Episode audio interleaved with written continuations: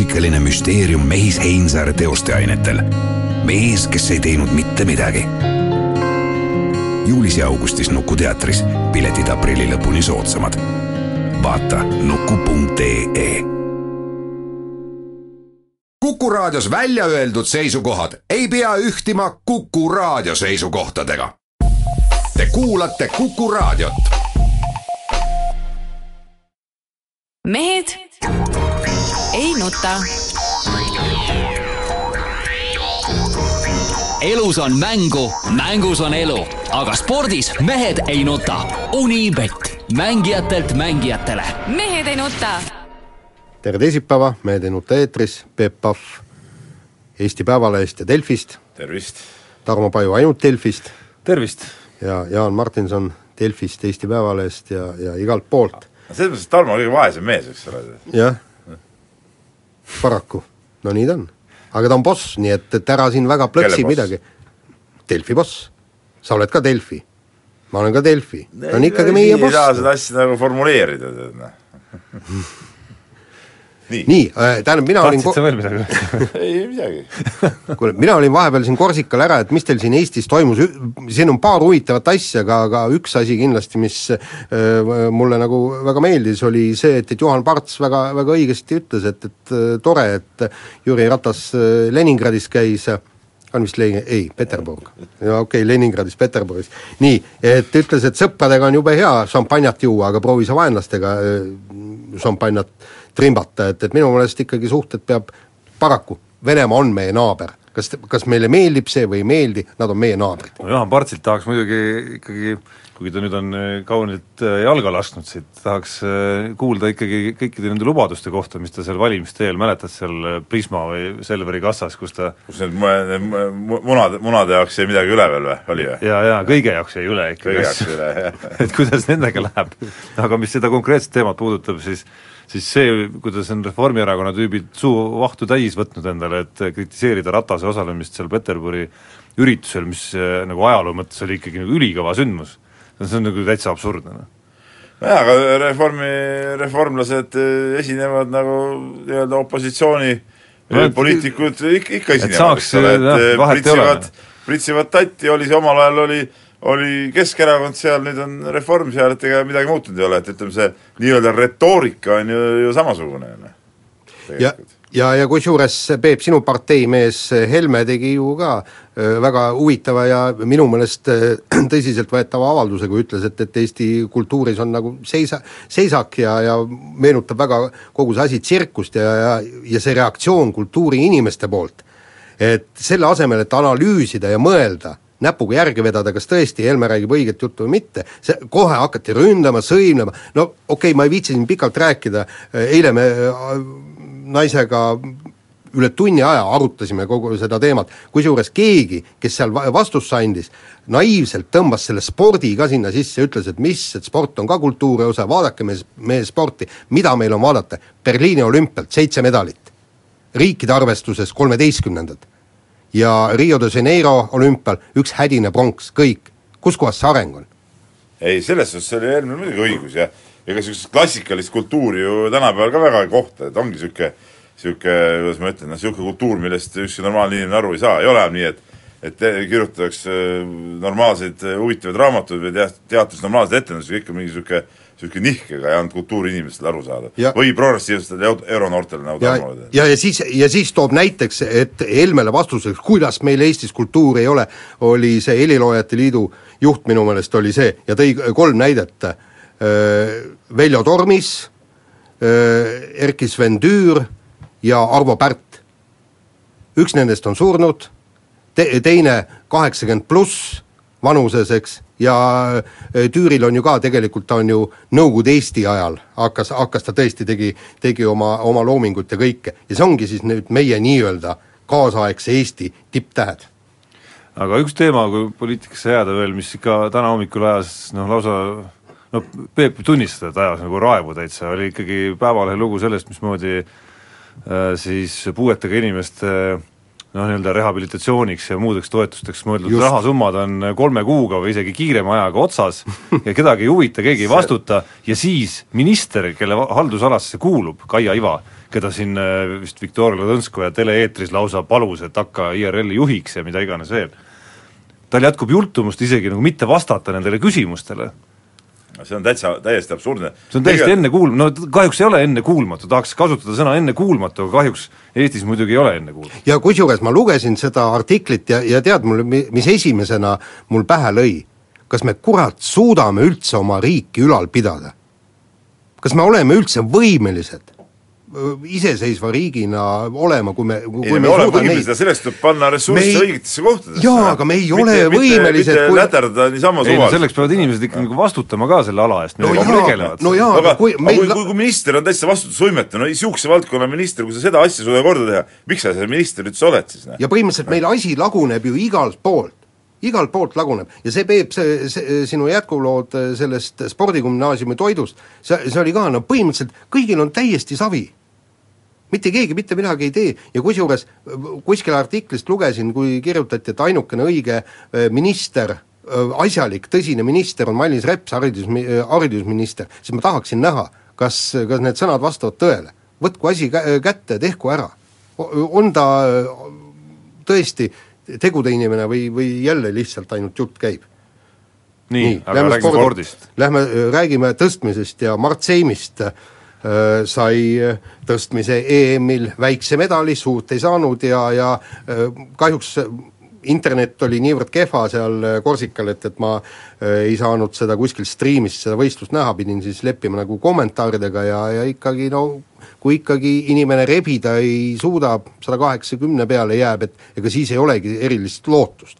et arengut nagu viimastel aastatel väga ei ole no sellel, miks ei ole, on ju kindlad põhjused ka ikkagi. Mart Seimi aga- tervis eelkõige siis, nii vigastused kui, no jaa, kui ületreeningud ja muud asjad. rebimismees polegi kunagi olnud tegelikult, noh, et see ongi tema see komistuskivi siiamaani ju, ju päris paljudel võistlustel olnud. aga noh, kü-, küsimus muidugi tekib, noh, ta, ta on suutnud ka selle kehva rebimisega ikkagi ju võita medaleid. et küsimus tekib, ma mõtlen nagu päris medalit, mitte seda nii-öelda väikest ühe ala tõukamise medalit.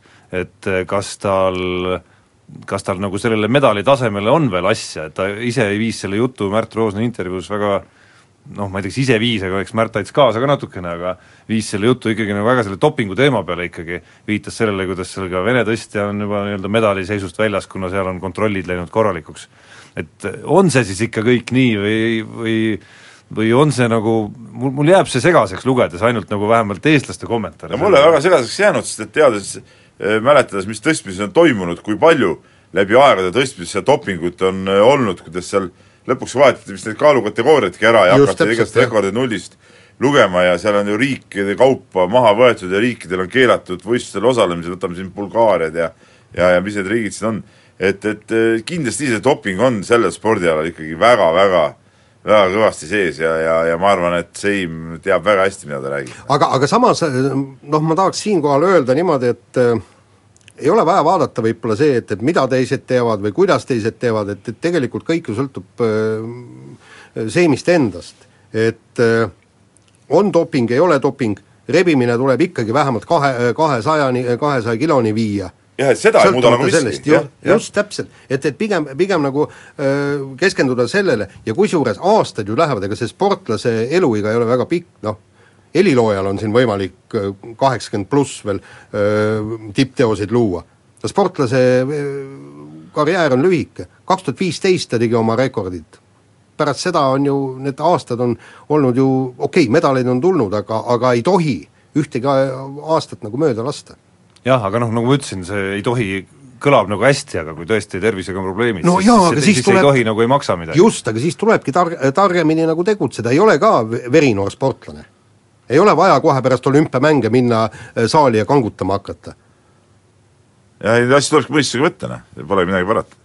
nii, aga kiirelt, enne kui reklaamipausile läheme, kui kui tõstjad ja Mart Seim pidid tõdema, et see väike medal EM-il suurt ei maksa riigi silmis midagi, siis Kelly Sildaru tuli juunioride maailmameistriks teist korda lühikese aja jooksul ja noh, rahakotirauad jälle lahti. no ma saan aru, et korralduse poolest oli, oli tegemist jälle, ei no ei konkurents ei olnudki seekord nii olematu, seekord olid ju mingid uued eh, nimed olid välja tulnud, kes tegid ju päris korralikke eh, punktisummasid. no olematu ikka selles mõttes, et, et maailma nagu reaalset tippi no jah, tippe ei olnud, ja Tesla tööd ei olnud. jah.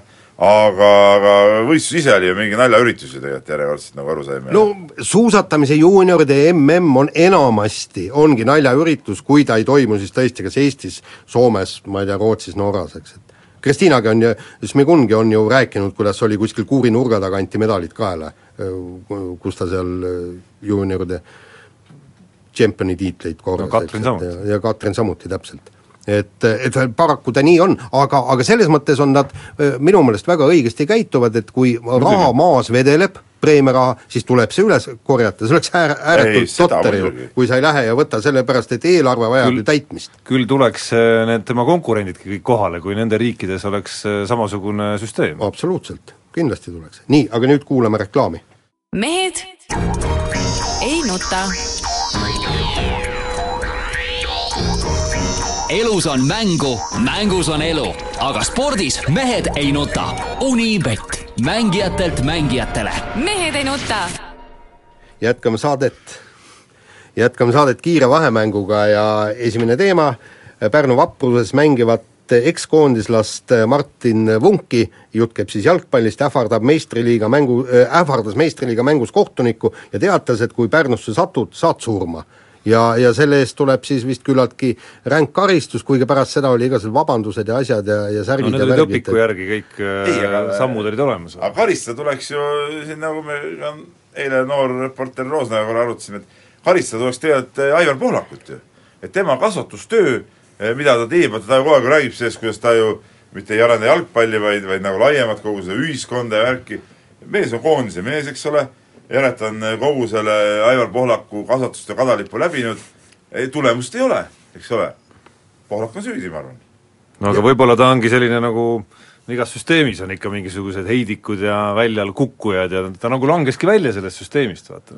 sellepärast, sellepärast, et tema, sellepärast, et kuuekümne mängu pidanud Eesti koondises. jaa, aga noh, siis langes välja, sellepärast et tuli välja, et tema emotsionaalne intelligentsus ja kõik sellised asjad, need ei vedanud välja ikkagi. jaa, aga sama, samas noh, tähendab ma, ma, ma, ma tõesti ei oska öelda, kuidas, kuidas peab säärastesse asjadesse väljaütlemistesse suhtuma, selge see, mingi karistus tuleb määrata see ja on mänguemotsioon, ja kõik, see on noh, just, ma tahangi seda öelda, keegi ju te, ei arva tõsiselt, et, et et, et kui kohtunik satub Pärnusse, siis on linnapiiril linnapiiril kirves peos on ju, eks, et no, no tõesti ei ole. Ja okei okay, kas sa oled, Peep, midagi nagu sellist tapmisähvardust, okei okay, see ei ole tõsine, me teame, et see ei ole, oled, isegi ei, sina vist ma, ei, ei ei, ma ole. olen, seda ma olen niimoodi pole välja, ma olen öelnud seda küll, et kui omal ajal sai Rummul mängitud seda korvpalli neid liigasid, siin teist liigat seda ma mäletan, sa ütlesid, vilemehed siis eh, autoga tagasi ei saa ei, seda, seda oli ka, aga ma olen öelnud ka niimoodi, et et, et, et, et vaata, kuidas siit spordialast välja lähed, et mul mehed tulevad sealt, sealt eh, küla vahelt, tead noh,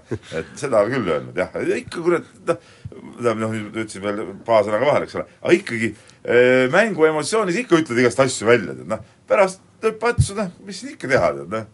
Oli see oli, tead noh, ega võistkonna sees ka, mis siin, mängisime siin vanameestega Kossu liigat siin paar aastat tagasi, panime võistkonnakaaslased, viskasime joogipudest vett üksteisele peale, ikka vahetasime pärast mängu, tegime õlled ja asi korras jälle. no si-, si-, sindki on kohvitassiga visatud noh, ja tööl, vaata Martin siin Õhtulehes viskas ju mind kohvitassiga, mäletad seda, eks ole? noh, Mäletan. jah, ja mis siis sellest Valdo on? Jahilo jope veel määris ära. peale seda, siis mina sain loomulikult nõtk, nõtki kehaga tõmbasin eest ära, eks ole, noh. nõtkust ma ei näinud, olgu lihtsalt tõe huvides, et ei jääks kuulajatel mingisugune vale mulje, aga vahetame teemat.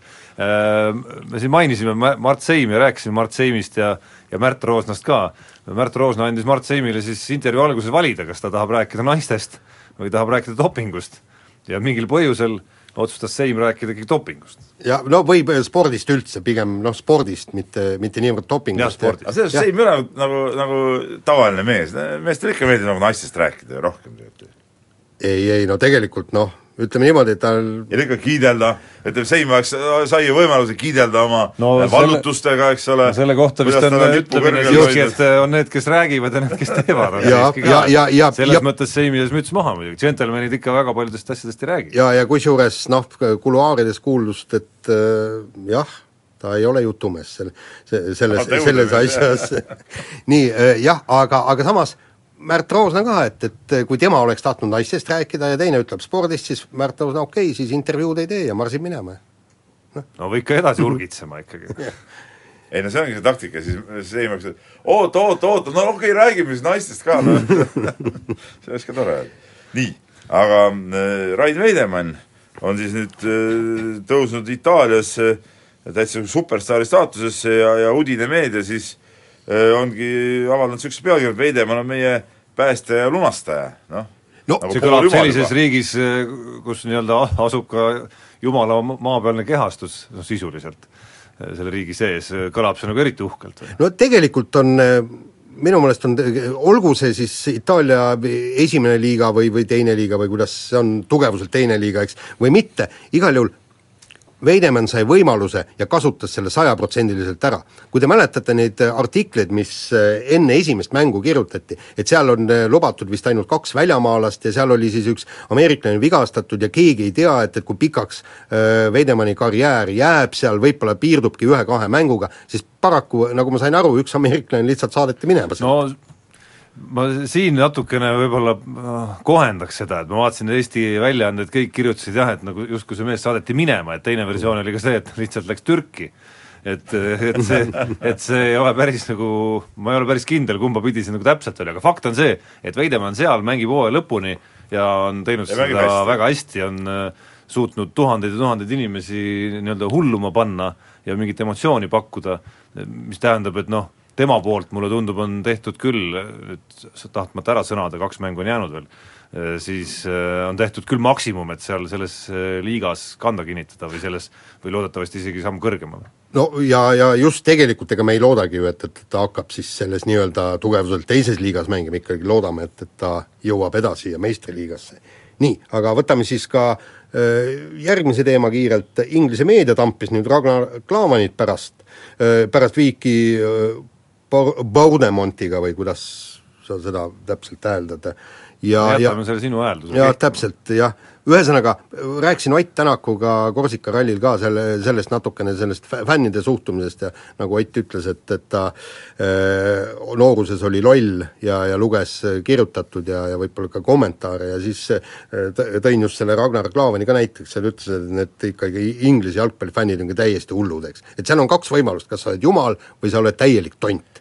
See iga mänguga muutub see asi, noh, absoluutselt jah. aga no küsimus ei ole ainult fännides, et seal ikkagi Ja ka meedia muuseas. ka meedia Ja ja meedia ma mõtlen ka nagu eks-, jah. noh, eksperdid, ma mõtlen mingi Jamie Carragher, noh ei ole ju mingisugune suvaline arvaja, on ju, ja ma üldse vaatan, et seal sellised sama, vähemalt Liverpooli puhul, nii-öelda Liverpooli endised mängijad on nagu arvamusliidritena nagu väga kõvas hinnas, kuigi noh, samas mis seal üllatavat, Eesti jalgpallis endised Eesti koondislased samamoodi, aga seal nad on ikka oluliselt sõnakamad, kui meie oleme harjunud siin, et no me, siin, et siin nagu ette, et Eestis mõni Martin Rein, või no Rein ei ole hea näide, aga Zelinski või endine korvpallur või jalgpallur hakkaks hakkaks rääkima mängijatest niimoodi, mis oleks tegelikult jumala okei okay, kui räägitakse, näiteks ka Venemaa, mina vaatan palju Venemaa meediat, seal ju ka hokimehed, endised mängijad räägivad samamoodi, kritiseerivad, kiidavad, laidavad, kõik asjad, eks ole. no või NBA-s kas või, kui sa vaatad seal Barclay'd ja Shaqid ja noh, rääkimata mitte endistest mängijatest. no jaa, aga, aga Eesti, Eesti on ju nii pisike, et eh, see endine jalgpallur on kindlasti praeguse jalgpalli naaber või no okei okay,, võib-olla on kaks maja vahet, eks. et, et paraku äh, nii on, aga, aga mis eh, kummaline, nagu, nagu tundub, vaata meie proovime ikkagi neid analüüse teha natuke äh, natuke võib-olla põhjalikumalt, et me, me kohe ei kuku tampima, me vaatame ka, et, et noh, võib ju öelda, et see mäng ei tulnud hästi välja, tegelikult on tal see see, vajab kohendamist seda, seda, vot siin ta nii, eks, aga siin on kohe nii, et täielik tont ja meeskonnast minema ja kõige kehvem mees ja kõik muu säärane. jah, aga noh, korraks sisusse vaadates muidugi ei saa salata, et Klaavanil on neid nagu valusaid eksimusi tulnud ikkagi selle noh, suht rohke mängu jooksul, mida ta on saanud, noh, üle, üle ootuste, ma arvan, on ikka kole palju tulnud, noh just selliseid, kus on mingi värav ja, ja mingi karistus nii-öelda no, või asi järgnenud. vaata, see ka-, kaitsemängijal ongi see, et, et tema ka, eksimused paistavad väga selgelt silma. mehed ei nuta. elus on mängu, mängus on elu, aga spordis mehed ei nuta. Unibet, mängijatelt mängijatele. mehed ei nuta. jätkame saadet, Peep Pahv, Tarmo Paju, Jaan Martinson, muide ma Tarmo kogu aeg vaatan, sul on mingi pulsikell tekkinud, kas see on nüüd see mingi progressiivsuse märk või? mina soovitasin muuseas. aa, okei okay., sina?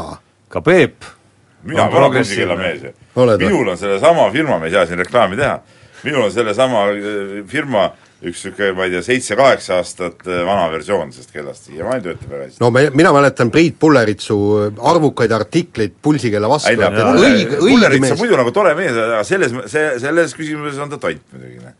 jah. no kuule, ole. kas mees ei pea ise tunne, tunnetama oma pulssi ja ei, kõiki no ikka tore vaadata, noh. aa, lihtsalt tore vaadata, okei okay. no ma ei tea, on see progressiivne või ei ole, aga minu arust on täitsa kasulik, kui loeb jooksmise ajal aega, distantsi ja näitab pulssi ka veel sinna aega. ei see salata, et Sinna eile, eile ostsin enda pojale täpselt samasuguse kella, kuna sain teada, kust Tarmo selle ostis, mis oli hind, mis olid tingimused, ja käisin, tegin sama tehingu kohe ära. jah, on. Pullerits võib arvata, mida Pullerits talle võib-olla ei sobi, mulle, mulle täitsa äkki, sobib. äkki muudate ka minu mõtlemist? muuseas, sina käid ju kõndimas, no just täpselt, jah. nii No kui ta- sul seda oleks, kui sul oleks see pulsikell peal, siis su kõndimise resultaat oleks nagu näha ka, mitte mitte nagu selles, et, et see vatsake paisub kogu aeg, nagu sul praegu on, kuigi sa kõnnid kogu aeg, vaid siis, kui sa teeks õige pulsiga seda, siis see tõmbaks hoopis koomale. no, no tal muidugi seda muret vist ei ole, et pulss liiga kõrgele läheb. mis mõttes, vaata, mis, vaata, mis peal. tempoga ta kõnnib ju, mäletad neid jutte? noh, noh, ma praktikas kahtlen nendes juttudes lihtsalt. okei okay., kuule aga pärast räägime sellest pulli, ära. hakkas huvi, hakkas huvi tundma juba. hakkas huvi tundma, jah, okei. nii, nii, aga räägi- kirjad, kirjad, kirjad muidugi, kirju kirjad. on palju loomulikult nagu alati, Tamm Tamm, meie vana kirjasaatja, on kirjutanud ja teda pani tähele siis, kuidas eile Rakvere Tarve Kalev Cramo mängu lõpus küsis Ivar Jutsenko Andres Sõbra käest, et kas ta valmistub üleminekumängudeks. ja seoses sellega Tamm Tamm küsibki meie käest, et milline on üleminekumängude statuut, see on siis korvpalli meistrikast käib jutt, miks G4S ei mängi korvpallimänge, üleminekumänge ja, ja kui peaks juhtuma ime ja Tarvo sõidaks Cramot, kas siis Cramo mängiks ise üle, üleminekumänge? No statuut on nagu selge, et eh, esiliiga võitjal on õigus mängida meistriliiga eh, viimasega üleminekumängu ja arvesse ei lähe siis eh, noh, see Audentese noortemeeskond, ma, minu keel ei paindu seda totakat võistkonna nime välja ütlema ja ma ei ütlegi seda välja, aga minu jaoks on ta Audentese noortemeeskond ja, ja ja nendel on eristaatus ja, ja see on okei okay,, aga nemad ei peagi sealt välja kukkuma, et selles ei ole, ei ole nagu küsimust, et, et jah, et kui näiteks äh, kes iganes siin võidab selle esiliiga, muidugi võib juhtuda selline asi, et kuna Audentese noored said esiliiga Final Fouri nüüd eile äh, vägeva võiduga Paide üle, et õnnitleme siin on Indrek Visnapuud ja, ja ja, ja noori, kuigi siin on jälle üks äh, väike nüanss on jälle, selle veel liiga korvpallispetsiifiliseks võib-olla ära, aga aga, aga mängisid nüüd seal esiliigas ka ikkagi needsamad mehed, kes meistriliigas ja nagu see esialgne plaan, minu teada oli niisugune plaan, et esiliigat mängivad ühed mehed, meistriga teised mehed, see nagu realiseerunud ja nüüd mitmed noored ei ole saanud ei meistriliigas ega esiliigas praktiliselt üldse mängida hooaja jooksul. et see on nagu negatiivne asi selle juures. aga see aga, et nüüd mehed said, need mehed said veel Final Fouri, see on igatahes nagu tore. et kui nüüd nemad võidavad ära liiga, mis siis saab, seda ma ausalt öeldes ei teagi. et, et äh, kas siis näiteks saab no teise koha võistkond tundub õiguse siiski, et järgmine saab selle võimaluse. no või ei saa keegi ja Tarval, Tarvas on pääsenud no, ja seda ma ütlen ka, et kui Tarvas peaks Cramot võitma, siis Cramo ikkagi eh, üleminekumängudele ei pea minema, sest nad ei jää viimaseks, vaid eh, veerandfinaalide eh, kaotajad, eks ole, saavad kohad siis viis kuni kaheksa, need pannakse põhiturniiri järgi ja Kalev, kui ta kaotakski Tarvale, oleks ta, lõpetaks meistrivõistlused viienda kohaga. vanasti ma mäletan, olid isegi viienda kuni seitsmenda või kaheksanda koha mängud. jaa, no see on, õnneks seda ei ole ka madalamates liigades, näiteks me lõpetasime Keila korvpallikooliga teise liiga kuuenda kohaga, ehk siis veerandfinaalis langesime ka välja, kuna me olime põhiturniiri kolmandad, välja langes ka põhiturniiri teine meeskond, sest nemad olid viiendad, meie kuuendad ja siis on seitse-kaheksa taga. nii, aga nüüd veel üks korvpallijutt ja, ja Siim kirjutab meile ja ja räägib ta Balti liigast ja, ja ma pean siin selles suhtes Siimu küll äh, nagu nõustuma, et ta ütleb, et Balti liiga on praeguses formaadis oma aja ära elanud, et Leedu ja Läti tippklubide huvi on kadunud ning liiga otsus, otsustusvõimes näitab seegi, et TLÜ Kalev sai play-off'i ilma põhiturniirita, noh no see oli süsteemis See oli otsustatud süst- juba varem, kõik oli kõik jah. klubid, kes eurosarjas mängisid ja tahtsid Balti liigas mängida, said ka otse siis Balti liiga play-off'i, et noh, kuna TLÜ Kalev mängis eurosarja, siis kehtisid põhimõtteliselt samad reeglid nagu Tartu. Ülikooli või BC Kalev Cramo jaoks. aga see näitab see liiga totrust juba, see, kuidas need võistkonnad no, osad meeskond- osad said sinna juurde tulla, lõpuks tekkis niisugune olukord, et need, kes nagu said, need tulid ja osad, kes nagu jätkasid veel kuskil eurosarjas, need ei tulnud ja See oli ka kusjuures enne ära jaa, aga see on kõik nagu totter ju tegelikult, noh, see jätab selle liigast nõmeda mulje ja ja Siimul on veel üks hea tähelepanek, et praegusel kujul need poolfinaalid ja finaalid mingi kahe mängu kokkuvõttes mängud, no see on mingi Ei, jama, olen punktide arvestamine, lisaks äh, mängitakse finaal enne kui pronksimäng, no see otsustab mäng, see on ka nagu, nagu ütleme, selles mõttes debiilsus kuubis tegelikult, ei häbene seda sõna välja öelda.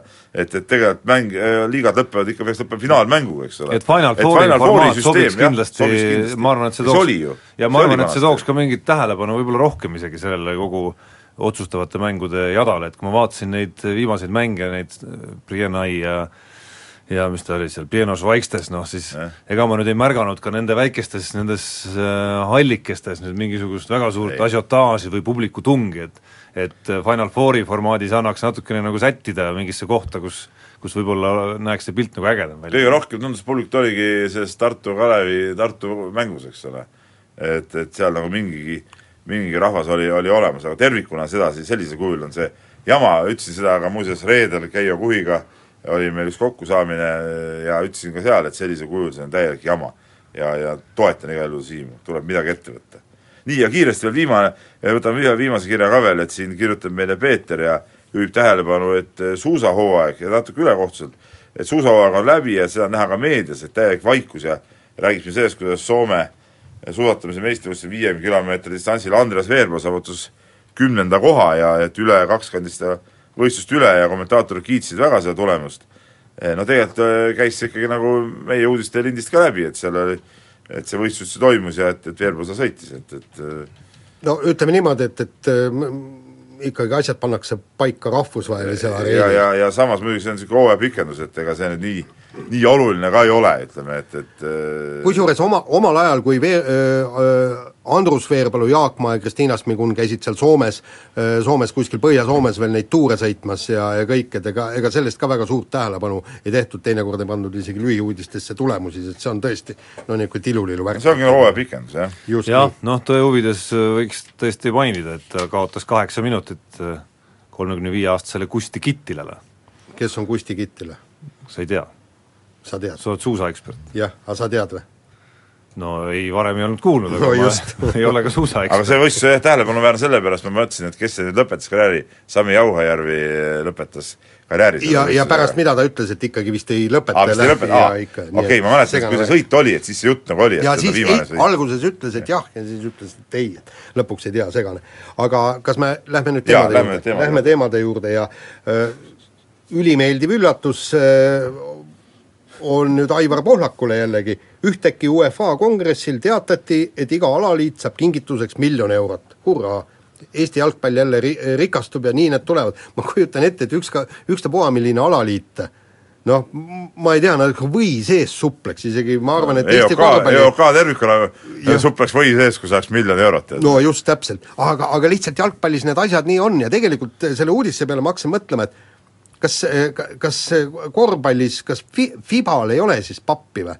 no minu mõte liikus noh, liikus edasi, no Fiba või ükskõik mis organisatsioonid, et kas nad on, no selle, selles ei ole mingit kahtlust, et nad on nagu Fifade ja UEFA-dega võrreldes ikka nagu vaeslapsed. aga kas nad nagu tõesti nii vaeslapsed on või seesama Rahvusvaheline Olümpiakomitee näiteks, kuigi okei okay,, seal on ka mingid fondid ja mingid toetused on tegelikult ju olemas ka, aga noh, see on ikkagi suhteliselt öö ja päev minu arust sellega, mis jalgpallis toimub. no siis nad ja... niigi saavad palju toetusi, siis järsku annab veel miljoni juurde niisama. noh, mis on ikka ju noh, metsik raha, siin oli alles eelmises saates meil juttu, et kogu sponsor summa, mis äh, Eesti Jalgpalliliidul aasta jooksul tuleb, on kaheksasada tuhat vist oli ümmarguselt, või oli kuussada tuhat kopikat. EOK-l nelisada tuhat midagi. jah, just. ja Kossuliidul vist on kaheksasaja tuhande ringis, on mingid noh, sellised suurusjärgud, on ju, ja siis kuskilt tuleb nii-öelda miljon veel boonuseks lihtsalt juurde. et ja seesama kontrast korvpalliga näiteks, on see, et jalgpallis on teada ju ka äh, seik, kuidas, sellest on Aivar Pohlak rääkinud, kuidas äh, on ta nüüd UEFA või FIFA noh, seal ei ole vahet, kuidas ka, mis puudutab koondise mänge, siis neid, nende mängude õigusi kuidagi tahetakse minu teada rohkem nagu siduda ära ka kohalike alaliitudega, et, et kohalikud alaliidud saaksid nendest nagu rohkem noh, eelkõige siis rahalist kasu, kui kui võib-olla seni, Fiba näiteks tegeleb hoopis vastupidise asjaga, ehk et on võtmas koondise mängude äh, nii-öelda teleõigusi, mis toimuvad, on nad siis, ma ei tea, Eesti, Eesti Korvpalliliidu jaoks siis Eestis või Soome Korvpalliliidu jaoks Soomes, on neid vastupidi nagu tsentraalselt endale ära võtmas, et, et, et nagu veel see väikenegi nii-öelda noh, meil pirukas on võib-olla paha sõna, et, et sellest ka veel ilma jääks nad. samas kui me teame, et noh, see on just nagu üks kõige magusamaid asju, mis ühel alaliidul olla saab. no vot, nii ta on. hoopis, hoopis vastupidine trend. ei, see ongi vastupidi trend, aga noh, iseenesest tervikuna see, see jalgpalliliidus äh, ringlev raha või üldse jalgpalli ringlev raha on ikkagi nagu absurdselt suur, noh, tegelikult. ei no jaa, see ei ole nagu, see ei vasta Ei, nagu, tegelikult- see ei, see ei vasta nagu mingile loogikale. noh. ei, Peep, vaata, minu meelest ongi see, see tõesti, raha on suur, aga see raha ei jää nagu, nagu äh, rokil jääb see, nad müüvad ju olümpiamänge meeletute miljardite eest, eks, ja see raha jääb kuhugi seisma. Aga, aga siin on ju Jalgpalliliit ilusasti siin selle ka- edendatakse põhimõtteliselt ülemaailmset jalgpalli, Just. igas nurgas, on ta Eesti, Küpros või, või ma ei tea Krimm. jah, kas või, et, et igas nurgas jalgpall oleks, oleks vägev, et noored lapsed, mehed, naised, kõik teeksid sporti. jah, ja jumalast õige. ei, ei, kõik on õige, ma lihtsalt räägin, et, et see, et see raha hulk seal nii suur on, et see on ikkagi nagu absurdne lihtsalt, noh. no ei ole absurdne, no nii ta on, vaata, mis on veel suurfirmad, kui palju nende tulu on ju, kõik Apple'id ja asjad ja kõik, nii.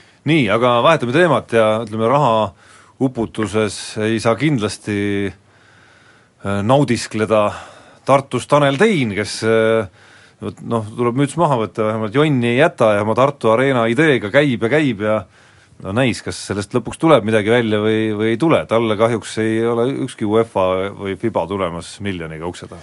see on väga kahe otsaga asi, ma olen mõelnud selle Tartu Arena idee peale ja nüüd, kui eelmine nädal oli siin jälle nagu õhus, käidi välja need paar ideekavandit, mismoodi see võiks välja näha, siis mõtlesin jälle selle peale, kas Tartul ikka on sellist asja vaja, noh, ütleme, ma ei ole küll ise tartlane ja, ja mind nagu Tartuga otseselt ei seo nagu mitte miski ja võib-olla me siit teemalt nagu ei, ei oska nagu võib-olla ka õiglaselt hinnata seda, aga, aga noh, vaadata, mis, mis, mis selle saali siis nagu täis tooks seal, noh, et mis need eh, ma mõtlen sportliku poole pealt, mis need spordiüritused on, mis see saali täis no see ei tooks? ole ilmselgelt ainult spordi küsimus, see isegi noh, spordi küsimus on, ma arvan, väga väike osa sellest, kogu Tartu Arena kontseptsioonist. ei, seda kindlasti jaa, aga nagu me vaatame nagu spordi ei eh, Peep. Peep kindlasti on, on neid spordisündmusi, mis selle areena täis tooks, kindlasti saab seda funktsionaalselt ehitada niimoodi, et, et kui on öö, tõesti nagu väiksemad mängud, siis saab selle saali kokku tõmmata, et ikkagi tekiks nagu nii-öelda suure publiku efekt. teine asi on ju see, et, et näiteks seal Tartus ju ütleme, publiku ees jäähokki ei ole võimalik mängida, ma kujutan ette, et Tartu Arena saaks nii teha, et, et seal võiks ka mõned seal jäähokivõistlused pole ju võistkondagi, seal ei ole isegi Eesti meistrivõistluste ei, aga ma mõtlen kas, kas või need näidismängud, siis seal on ju kontserdid, kus kohas sa neid ko-, korraldad, eks. seal on kõik mingid sümpoosiumid, värgid, särgid, eks. sümpoosium on muidugi kõva asi. ei no ei, aga mulle, mulle iseenesest meeldib see, noh okei okay,, Tanel Teini jaoks on see ju kindlasti äri ka, aga aga mulle nagu see suurelt mõtlemine iseenesest nagu meeldib seal.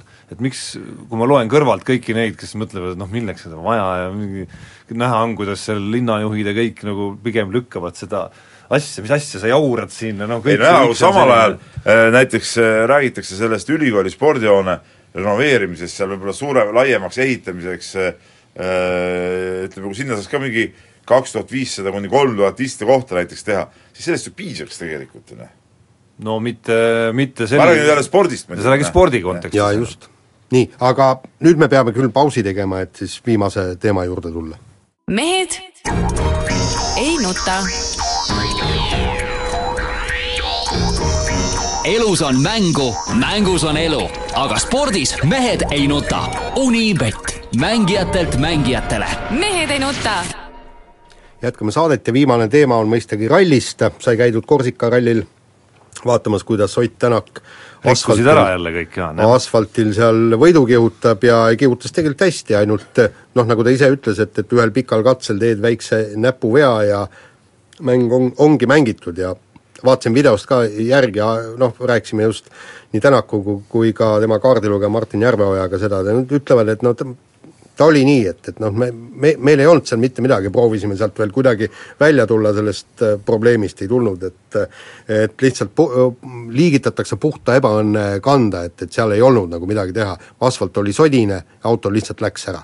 noh, ütleme eelmisel rallil Chris Meek üsna samasuguse asja tegi lõpus, aga sattus vähe õnnelikumalt lihtsalt. no tema, temal jah, vedas natukene rohkem ja kui me vaatame, kuidas Thierry Neuville ja isegi Sebastian Ogier on rajalt välja käinud, eks, noh, seal Monte Carlo rallis, aga seal ei olnud seda nii-öelda kuristikku, kuhu see auto vajub, eks, et, et Ogier tuli sealt välja, oleks seal ka kraav olnud, olekski sinna kraavi kinni jäänud. selge see, et rajalt välja sõitmine ja rajalt välja käimine käib autoralli juurde, see on nagu lahutamatu osa seal, et ja neid olukordi on ju, on ju kõigil sõitjatel päris palju, et lihtsalt jah, küsimus ongi selles, et, et mis see, mis see tagajärg on, et aga noh, tervikuna mis nüüd nagu see, sellel Korsika rallil tead nagu silma hakkas ja, ja Äh, Rein Luik kirjutas ka oma kommentaaris, mis siin Delfis eile ilmus, et äh, see Fordi tehni-, tehnika pool on see, mis võib-olla natuke muret teeb, et tegelikult on ju mitu rallit järjest olnud nüüd äh, ka nagu tehnilisi probleeme ja, ja oli ka ju Otil nüüd Korsikal jälle küll seal mingi õli tuli välja ja küll Ožeer ei olnud oma autoga rahul ja et, et hooaja alguses tundus, et see Ford on nagu väga tipp-topp, aga aga kas see siis tegelikult ikkagi nii tipp-topp on, et, et siin see on nagu suurem murekoht, kui see üks väljasõitmine. no täpselt ja tegelikult Ott ju rääkis, ta oli terve, tähendab, nii tema kui ka Ogier eh, kogu ralli ajal proovisid leida õiget seadistust, kumbki ei leidnud. Ott ütles, kogu aeg on auto alajuhitav, no okei okay,, ta seal tehniliselt rääkis, mis, eh, mis probleemid tekivad ja ta ütles, et sellise autoga sõites enesekindlust ei ole. Et, et see auto ei ole tal mugav. Ja, ja ta tunnistas ka, et ühelgi rallil ei ole tal tegelikult äh, äh, see auto olnud perfektne. mis tähendab seda, et, et meeletult palju tööd on vaja teha. Ja, ja, ja see, mis ta ütles, et, et kuidas kõik tiimid praegu meeletult areneva, äh, arenevad, seal oli ju see, et, et näiteks Ogieri autol olid juba uued detailid peal, mida Oti autol veel ei olnud, sest neid ei jõuta valmistada nii kiirelt. ja, ja ta no põhimõtteliselt iga etapiga toob keegi Äh, midagi uut sinna auto külge. aga hädad olid teised, täpselt samamoodi Jari-Mati Latvala suutis leida seadistuse alles teise päeva õhtuks. Eks, äh, täpselt samamoodi olid, olid ka Citrooni vennad olid hädas, vist ainukesena Thierry Neville, äh, tema kommentaaridest ei tulnud välja, et ta ei ole oma autoga rahul no tegelikult ju Miik sõitis ikka alguses ikka väga kiiresti oma masinaga. just, aga, aga, aga siis noh, temalgi aga, aga tehniline probleem lõpuks oli ka. aga see seadistuse teema tuleb ilmselt ka sellest, et autod on nüüd ju kõik äh, uued, eks ole. ja, ja, ja kõik need rallid on nii spetsiifilised ja Korsika on ka järjekordne oli, järjekordne spetsiifiline ralli. ja lihtsalt äh, pole kogemust sellise auto äh, nendesse tingimustesse äh, seadmiseks, noh, et, et järgmine aasta näiteks on juba lihtsam, kui ütleme, auto jääb põhimõtteliselt jääb sarnaseks, eks ole, siis on juba lihtsam seadistada ja, ja, ja tegutseda. ja praegu seesama probleem on olnud ka ilmselt kõikidel eelmistel rallidel. Just, aga nüüd tuleb nüüd viis kruusarallit järjest, okei okay,, kõik see kruusa, kruusatingimused ei ole samad, aga, aga siin ongi nüüd, sõidabki vist ülehomme juba Ott, sõidab äh, nii-öelda arendustestidele Portugali ja, ja no selge see, et, et sea-, sealt tuleb midagi välja, noh, nagu ta ütles, et kui isegi Ogier, Ogieril on raske selle autoga asfaltil sõita, siis järelikult on asi jama ja tuleb kiiremas korras midagi välja mõelda. Ja nüüd ongi tähtis, et see auto saaks korda kruusarallideks, viis kruusarallit järjest. ja vaata, kui siin hakkavad, praegu loetakse, et Hyundai on ikkagi kõige kiirem auto. no seda on näidanud ka ju tegelikult Just. kõik, kõik võistlused, et, et Hyundai vennad on ju olnud ees, aga Neuvill on ise ära ära näperdanud nii-öelda kaks, kaks rallivõitu sisuliselt. ju, just, aga, aga, aga e, ka Citroen on praegu ta, e, tulemas tagasi, kuigi, kuigi neil ei Citroen on väga kiiresti, Miik on ju näidanud juba, tõestanud selle ära juba, see on nagu selge. aga ikkagi ma usun, et kruusa peal ütleme, on Otil endal ka lihtsam seda seadistust leida, et see on nagu tema leib, nüüd, need viis rallit on nagu tema leib puhtalt, et et nende viie ralli jooksul kindlasti peaks tulema ka ütleme, mõnes mõttes selle hooaja e, kulminatsioon tema jaoks nagu. ja, ja tema tulemuste äh, nii-öelda kõvera mõttes, äh, nende viie ralli jooksul peaks nagu midagi ikkagi juhtuma. just, aga, aga kui seal Korsikal taga kruttis siia, kruttis sinna, ikka midagi ei tulnud, no no tuleb ikkagi lihtsalt pöidlaid hoida, et, et asjad saaks paika, nii, kuulake meid nädala pärast, olge mõnusad, nautige kevadet. mehed ei nuta. elus on mängu, mängus on elu, aga spordis mehed ei nuta. Unibet mängijatelt mängijatele. mehed ei nuta